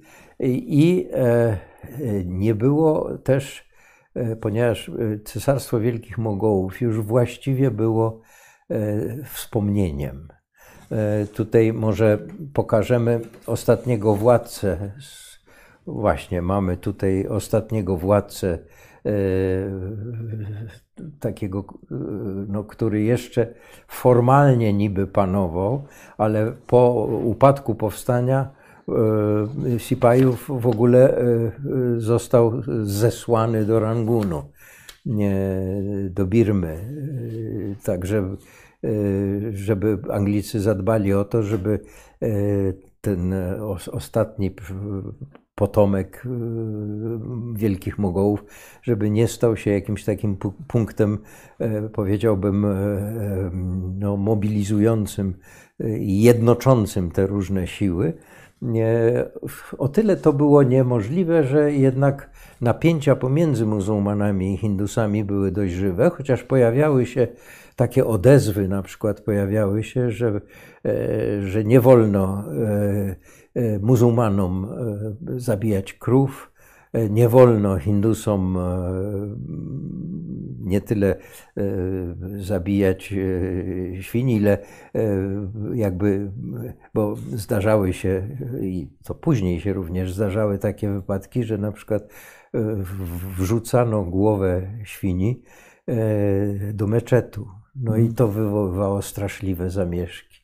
Więc tutaj e, bardzo wyraźnie z obu stron były nawoływania do tego, żeby nie gwałcić tych, szanować, tej, szanować wrażliwości, zarówno ze strony muzułmanów szanować wrażliwości Hindusów, jak i ze, względu, ze strony Hindusów e, szanować te wrażliwości muzułmanów. Ja zresztą uważam, że e, muzułmanie by się znakomicie zintegrowali w Indiach, gdyby na przykład zrezygnowali z jedzenia wołowiny. W końcu naprawdę islam e, nie zależy od tego, czy je wołowinę, czy nie. A gdyby, e, gdyby to oficjalnie przyjęto, prawda, że nie, ponieważ w Indiach się tego nie robi, to my tego nie będziemy robić, prawda? To między innymi to by mogło być e, elementem takiej dużo lepszej jakby integracji obu tych e, wspólnot muzułmańskiej i hinduskiej. E, I wtedy, jak, wtedy byłoby coś takiego, co się stało z chrześcijanami w Indiach Południowych. Chrześcijanie w Indiach Południowych wtopili się jakby w ten system kastowy, stali się Parsowie na przykład też na terenie Gujaratu. E, Parsowie to byli ci, którzy z Persji, e, po nawróceniu Persji na islam, ci, którzy nie nawrócili się na islam, oni uciekli do Indii i, i stworzyli wspólnotę, która znakomicie funkcjonuje do dziś w Indiach, ale jakby przyjmując te zasadnicze elementy cywilizacji indyjskiej między innymi jest to, że krowy się nie zabija, prawda, i, i nie spożywa się jej mięsa. No, to naprawdę nie jest warunek sine qua non przeżycia w Indiach. Nie, nie, nie jest to potrzebne. Ja e, spędziłem wiele lat w Indiach i nie oglądałem wołowiny i, i muszę powiedzieć, że mi tego wcale nie było brak. E, proszę Państwa, mamy więc, e, jesteśmy na etapie tego powstania Sipajów, które no, doprowadziło do zasadniczej, zasadniczego przewartościowania, mianowicie no, przede wszystkim Indie stały się e, już integralną częścią korony indyjskiej. 2 e, sierpnia 1858 roku Lord Canning, wówczas był wicekrólem, Lord Canning ogłosił w czasie uroczystego właśnie darbaru, czyli takiej uroczystości tego wiecu takiego w Allahabadzie, E, ogłosił pokój i 1 e, listopada, czyli już na jesieni e, tego samego roku, proklamowano przejęcie władzy w Indiach przez królową Wiktorię i jej rząd. I to jest to, jest to co ten właściwie no, rezultat tego pierwotnie E, spowodowanego po prostu niezręcznością e, władz e, wojskowych w gruncie rzeczy. Bo gdyby, gdyby mieli więcej troszkę wyczucia, to by nie doszło w ogóle do tego powstania najprawdopodobniej. To było powstanie sprowokowane przez taką całkowitą ignorancję Anglików, którzy sobie nie zdawali sprawy z tego, jak ważne to są sprawy dla ich tych podwładnych. E, tak ja przynajmniej to oceniam. E, no tutaj e, pan prezes zaprosił bohaterkę te, Ale jeszcze tego. chciałbym, bo to jest dramatyczne. No to jest, to jest, znaczy pamiętam Nirat Chowdhury, to jest wspaniałe, wspaniała postać, nieżyjąca już. Ja miałem przywilej poznania go osobiście. E, najlepszym e, terminem określenia e, jego, jego książki są, są dostępne. Ja bym go nazwał polihistorem. Niezwykle mądry człowiek. Miałem taki przywilej razem z małżonką, żeśmy w jego towarzystwie udało się nam wejść na dach domu w okolicach Kashmiri Gate. On nas tam zaprowadził i opowiadał o tym, jak wyglądało oblężenie Delhi w czasie powstania Sipajów. pokazywał, z której strony nacierali Anglicy, gdzie się bronili e, obrońcy Delhi, prawda? E, koniec, rozprawa ostateczna. Okrucieństwo było po obu stronach. E, niebywałe. Ostateczna rozprawa to było e, jakby, e, no, to jest przedstawione na tym obrazie, rozstrzelanie tych pojmanych wojowników powstania, Sipajów przez armaty, przywiązywanie do armat i hmm. muszę powiedzieć, że w gruncie rzeczy Y, no, dość humanitarny sposób, bo nie tortury żadne, ale oczywiście y, no, nieludzko spektakularny. Takie, nie, można powiedzieć, że tak. Y, właściwie wstrząsający. No, tak. Bardzo wstrząsający, choć dla tych E, dla tych skazańców. No, e, tak, mogli mu ucinać ręce, nie wiem. Prawda, tak, no, mogli torturować, no, prawda? Bardzo, tutaj, bardzo, tutaj, cywilizowani, no, bardzo tak. cywilizowani tak, Anglicy ich tak, po prostu Także, no ale oczywiście trudno tutaj e, znaleźć jakieś, jakieś łaskawsze oko na, tak. i, i jakoś to próbować tłumaczyć. To niewątpliwie jest okrucieństwo było straszne, ale okrucieństwo było również po stronie tych powstańców ta słynna studnia w Kanpurze, w której utopiono kobiety i dzieci brytyjskie. Tam mhm. właśnie powstańcy, to, to, to było słynne wydarzenie takie, które z kolei się cytuję, no, żeby E, jakby przywołać okrucieństwo ze strony, ze mhm. strony Hindusów, e, którzy się tam bronili. Proszę Państwa, e, mamy na, na wizji, że tak powiem, królową Wiktorię, która zostaje, zostaje ogłoszona cesarzową Indii no i rozpoczyna się e, epoka, którą e, określa się jako okres paternalizmu, trwający do I wojny światowej. E, rozwój gospodarczy, powiązanie z rynkiem światowym, to są te cechy, które wtedy no, determinują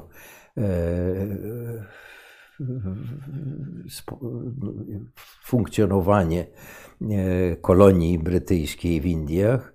E, angielski wpływ kulturowy jest niezwykle intensywny.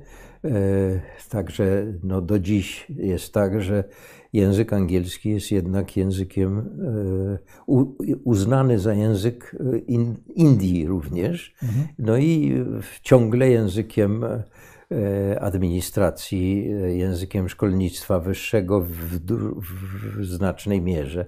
E, dzięki temu zresztą Indie mają niezwykle niezwykłą pozycję, jeśli chodzi na przykład o, o cały ten przemysł związany z elektroniką, prawda, z informatyką ponieważ jest bardzo dużo w Indiach osób wykształconych, znających biegle angielski.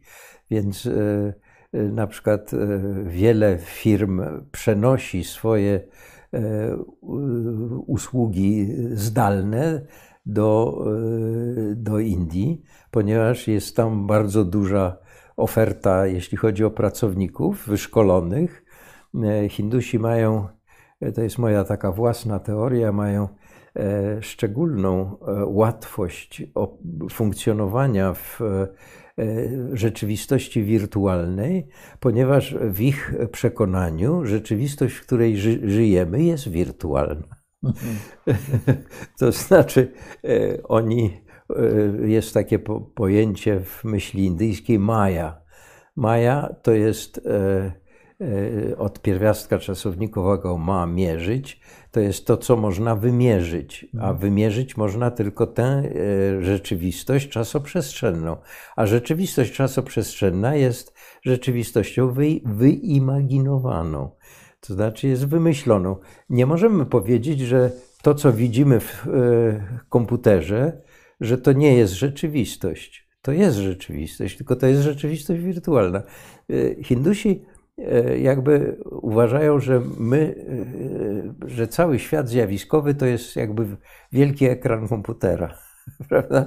I że to zostało pobudzone przez tą stwórczą świadomość, która, e, która, że tak powiem, zorganizowała ten świat wirtualny. Więc dla nich, dla nich jakby odnalezienie się w tym świecie wirtualnym E, drugiego stopnia, który już myśmy stworzyli, już człowiek stworzył, jest moim zdaniem, to jest moja opinia, jest czymś niezwykle naturalnym. Ale wracając do, do naszej historii e, Anglików w Wielkiej Brytanii, no wtedy ma miejsce już po powstaniu Sipajów i po tym, jak królowa Wiktoria została cesarzową Indii, już jest taka regularnie budowana e, administracja e, w Indiach. E, to wtedy się też zaczyna budować koleje, prawda? Wtedy się tworzy współczesna infrastruktura. Także to jest ten okres niezwykle istotny dla dla Indii, dzięki któremu no, Indie e, w momencie, w którym e, uzyskały niepodległość, niezależność Wielkiej Brytanii, były jednak już państwem ta, tak dobrze zorganizowanym i przystosowanym do funkcjonowania we współczesnym świecie, że, że odnalazły się zupełnie dobrze w tym, w tym właśnie współczesnym świecie.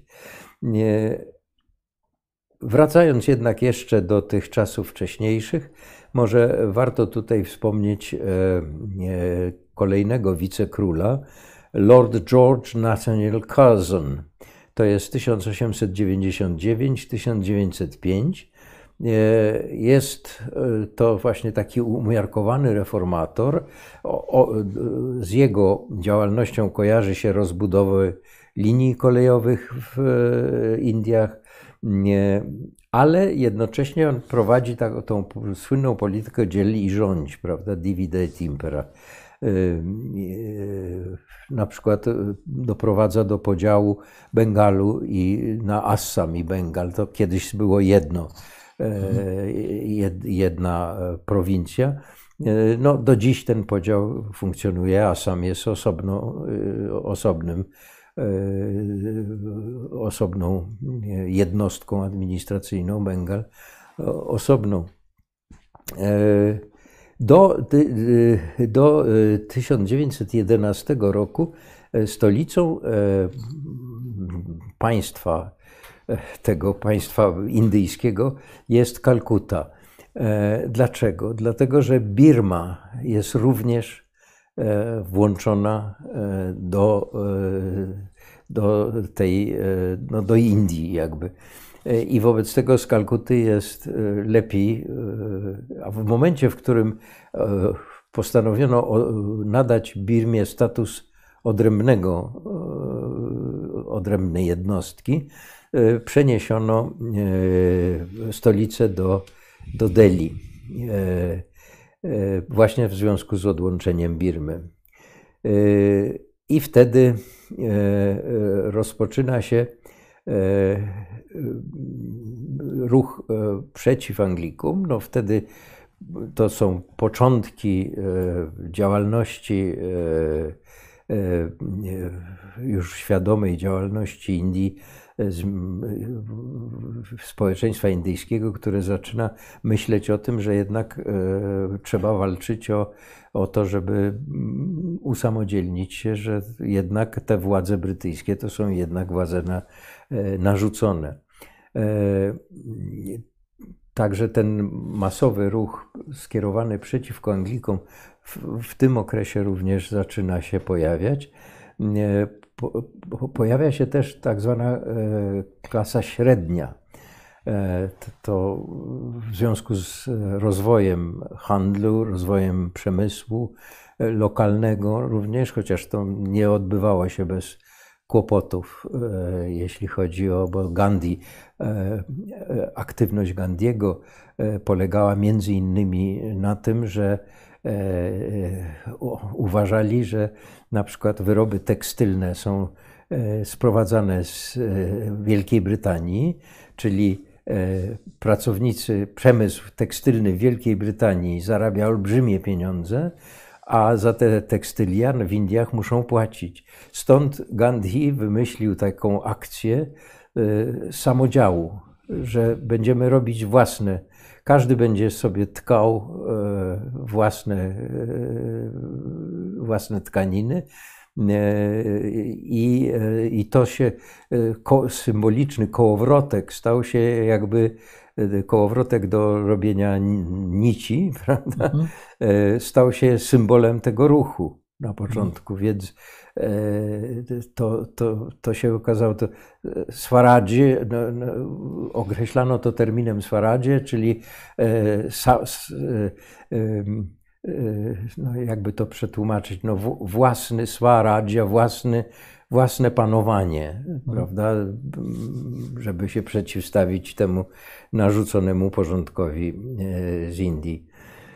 E, coraz bardziej e, wyraźnie, to Anglicy też zauważają, że pojawia się konieczność indianizacji indyjskiej służby publicznej. Coraz, coraz więcej przyjmuje się do tej służby Civil Indian Civil Service Hindusów. Hindusi jeżdżą do Wielkiej Brytanii, gdzie się kształcą, także tu, tu, tu już rozpoczyna się wyraźna modernizacja zarówno sposobu administrowania, no i oczywiście rozwój przemysłu też, mimo że, że ten te przemysł tekstylny jest ciągle preferowany, raczej rozwój jego w Wielkiej Brytanii, to tutaj ta walka i świadomość rodzi się w dość wyraźny sposób. Może warto wspomnieć, bo tu sobie to zapisałem, żeby nie zapomnieć, że pierwszy Indus, którego dopuszczono do tej służby cywilnej, to był Satyendra Tagore. To jeden z członków rodziny słynnego noblisty indyjskiego, później Rabindranatha Tagore, no. któryś z jego przodków w drugiej połowie XIX wieku e, też rozwija się prasa e, e, anglojęzyczna w Indiach.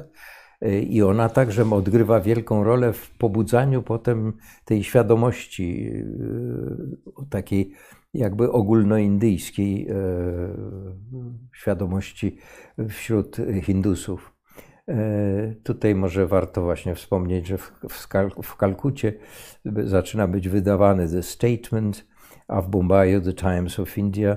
No dzisiaj jeszcze The Hindu to też jest jeden z takich, e, te wszystkie tytuły do dziś funkcjonują w Indiach. E,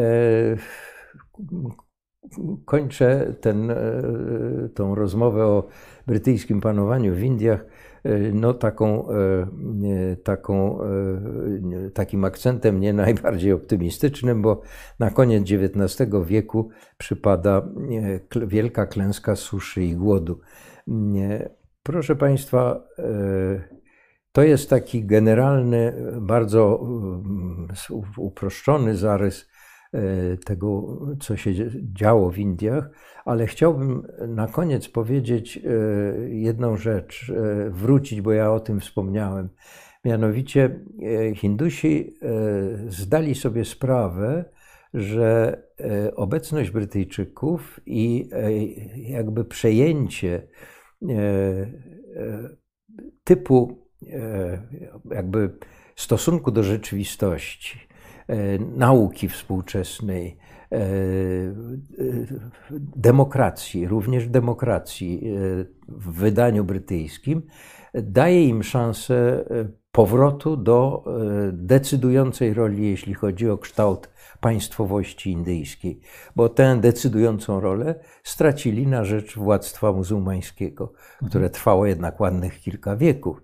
Więc a z kolei muzułmanie, też chyba o tym wspominałem, muzułmanie przez długi czas się jakby opierali temu, że no, nie będą się uczyć po angielsku, nie będą używać, bo przecież język arabski jest tym językiem, którego się trzeba uczyć. I Koran to jest jedyne źródło wiedzy i nie trzeba nic innego studiować. E, to było dużo dłużej, e, jakby alienowało e, społeczność muzułmańską, jeśli chodzi o to włączenie się w nowy E, modernizujący nurt e, Indii, chociaż e, z kolei pierwszy uniwersytet, który został zorganizowany przez, znaczy muzułmanie swój uniwersytet zorganizowali wcześniej niż Hindusi swój, bo w ogóle uniwersytety to Anglicy najpierw zorganizowali w Bombaju, w Kalkucie i w Madrasie, E, natomiast e, muzułmanie w Aligarchu powołali swój e, uniwersytet pod koniec XIX wieku, nie pamiętam w tej chwili dokładnie w którym roku, a w bodaj 905 czy 6 Hindusi powołali uniwersytet w Benaresie, Banaras Hindu University, którego doktorem jestem, więc to jest moja uczelnia, bardzo sobie ją cenię. E, ale to był jakby ich aktywność była późniejsza mhm. troszkę niż e, muzułmanów. Jednak jeśli chodzi o generalny, generalny stosunek do tego, co przynoszą Anglicy jako coś, co może im pozwolić wybić że tak powiem, na niepodległość i decydować o kształcie Indii. No i to się sprawdziło w gruncie rzeczy, bo e, to do dziś odgrywa tą zasadniczą rolę. Tu mamy takie pytania jeszcze, jeśli pan profesor pozwoli. Na przykład, e, e, czy Brytyjczycy poczuwają się do jakiejś odpowiedzialności za wielki głód, czy jest to kwestia już dawno zamknięta? Czy ma, możemy być jakoś odpowiedź? Nie, no, oczywiście z dzisiejszego punktu widzenia to jest oczywiście zamknięta. Tak. E, nie sądzę, żeby, e, żeby. Myślę, że Dole Rimpo właśnie bym sugerował, żeby do niego się zwrócić, tak. bo ja, ja się nie zetknąłem z żadnymi źródłami, które by potwierdzały, że jakby do dzisiaj Anglicy e, pamiętają o tym wielkim mhm. głodzie i że jakoś czują się za to współodpowiedzialni. Mhm. O ile sobie przypominam, e, specjalnie się tym akurat wydarzeniem w historii Indii nie zajmowałem, ale o, o ile sobie przypominam, to rzeczywiście obarczano administrację kolonialną w dużej mierze za to, że mhm. tam nie wszystko było tak jak trzeba. Czy sami Anglicy e, sobie z tego zdawali sprawę i przypisywali sobie jakąś odpowiedzialność? Nie mogę powiedzieć, e, na ile to było przez mhm. nich przyjmowane jako, mhm. jako ich odpowiedzialność. Mhm. Jest też pytanie, czy w tym okresie, o którym mówiliśmy, dochodziło do jakichś konfliktów, czy w ogóle kontaktów chińsko-indyjskich?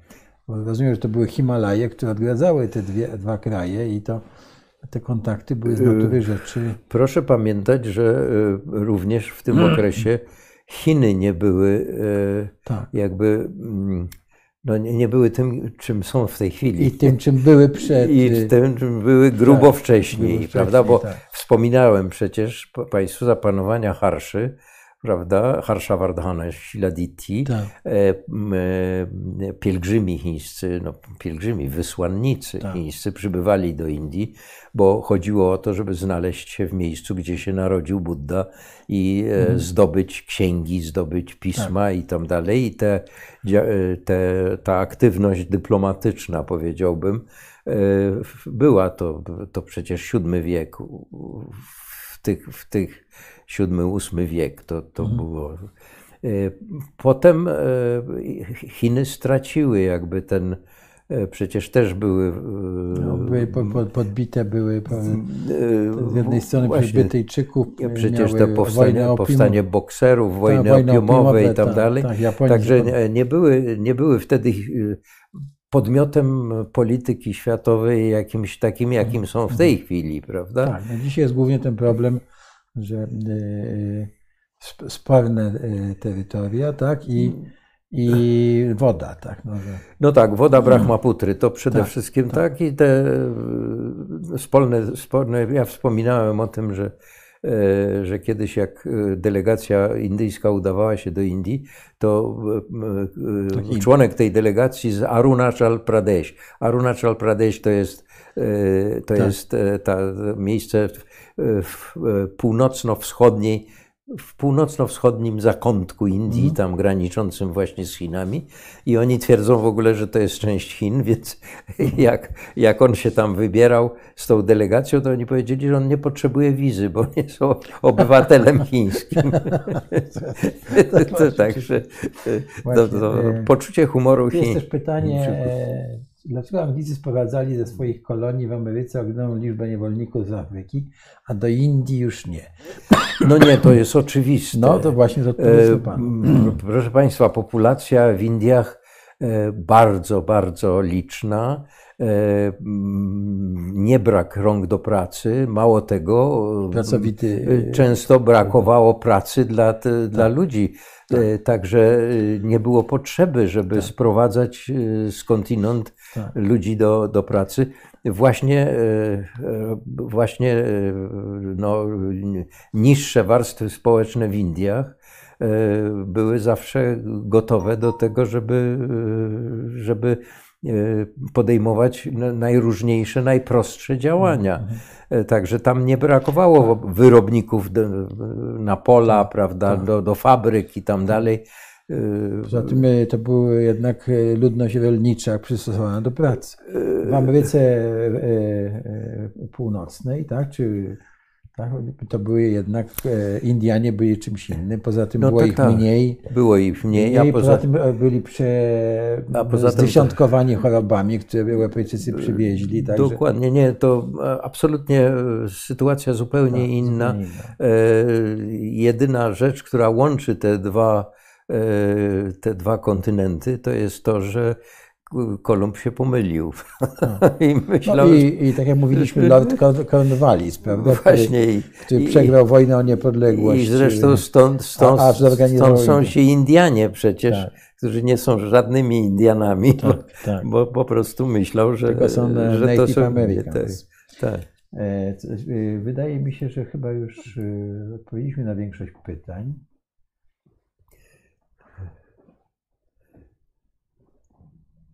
Że e, A tam o konflikty O, większe tak, indyjsko. No, nie, w tej e, dawnej historii. W ramach Imperium Brytyjskiego to myślę, że raczej są później w okres nie, niepamięć, bo Belgia w Kongo może się schować. Tak? Czyli tutaj mamy Belgia w Kongo, przypomnijmy, prawda? Jądro ciemności, prawda? Ucinane. No, No tak, tak, tak. e, Mi się wydaje jednak, że e, e, no nie, nie chcę się wypowiadać, ale czy Brytyjczycy byli bardzo okrutni w tych Indiach? Oprócz Nie, no, no, to mieliśmy nie, rządzono twardą ręką. Twardą Na ręką, przykład tak. e, bardzo e, zdecydowanie Ale czy to było okrucieństwa też?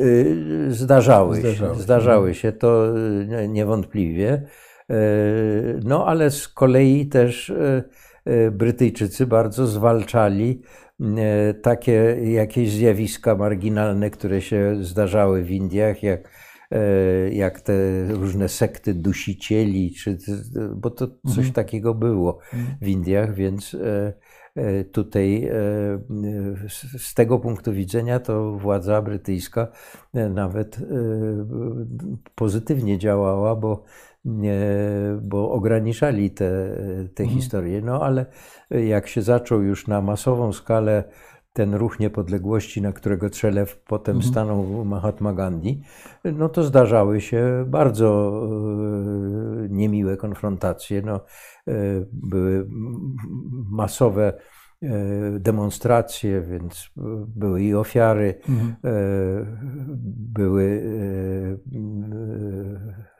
słynne takie wydarzenia. Nie, e, w- w tej chwili nie- dokładnie nie pamiętam, ale w każdym razie e, zarówno e, powodowane zresztą przez konflikty między muzułmanami i hindusami, w którym w jakimś sensie również administracja brytyjska brała udział, ale, ale również i e, w wypadku, kiedy te wielkie demonstracje jakoś się no, wymykały spod kontroli na przykład Gandiego i dochodziło do, e, do e, aktów przemocy ze strony demonstrantów, no to również i policja e, i władza brytyjska reagowała. tak, tak. No w rezultacie przecież Gandhi znalazł się w więzieniu, Tak. więc e, oczywiście w- to, to nie było.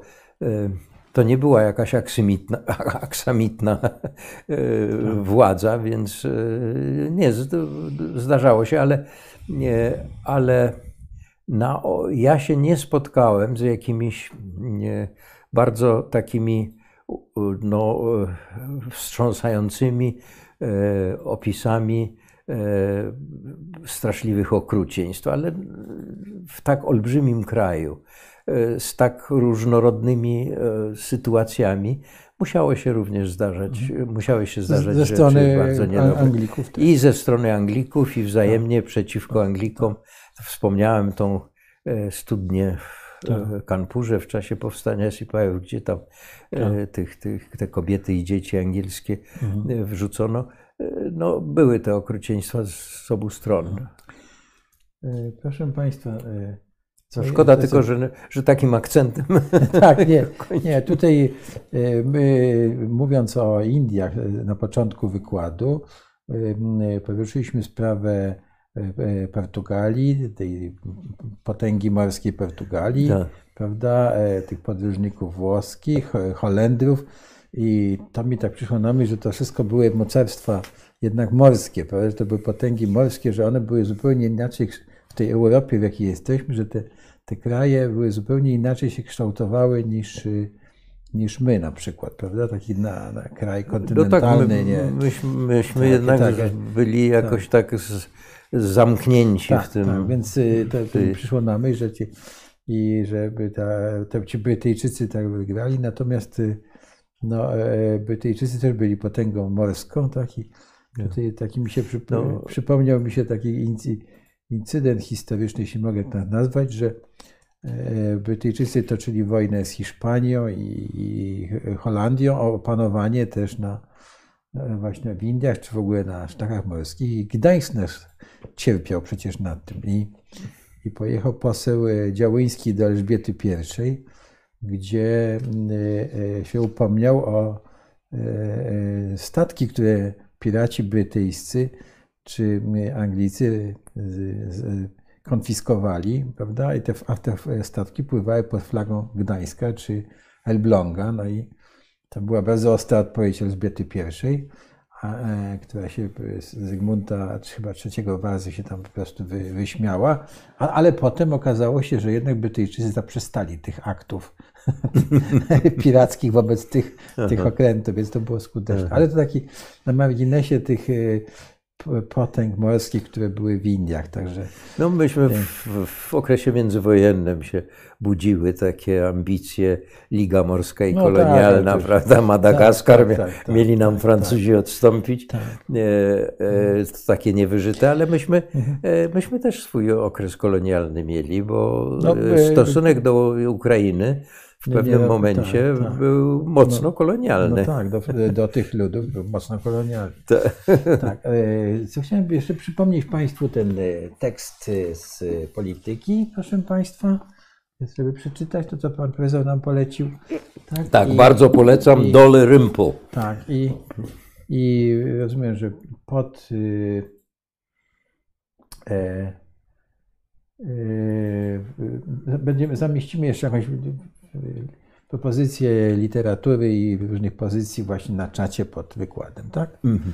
No cóż, to ja, e, Panie Profesorze, bardzo dziękuję za dzisiejszy wykład. E, spotykamy się. A ja bardzo niedługo. dziękuję za zaproszenie i tak.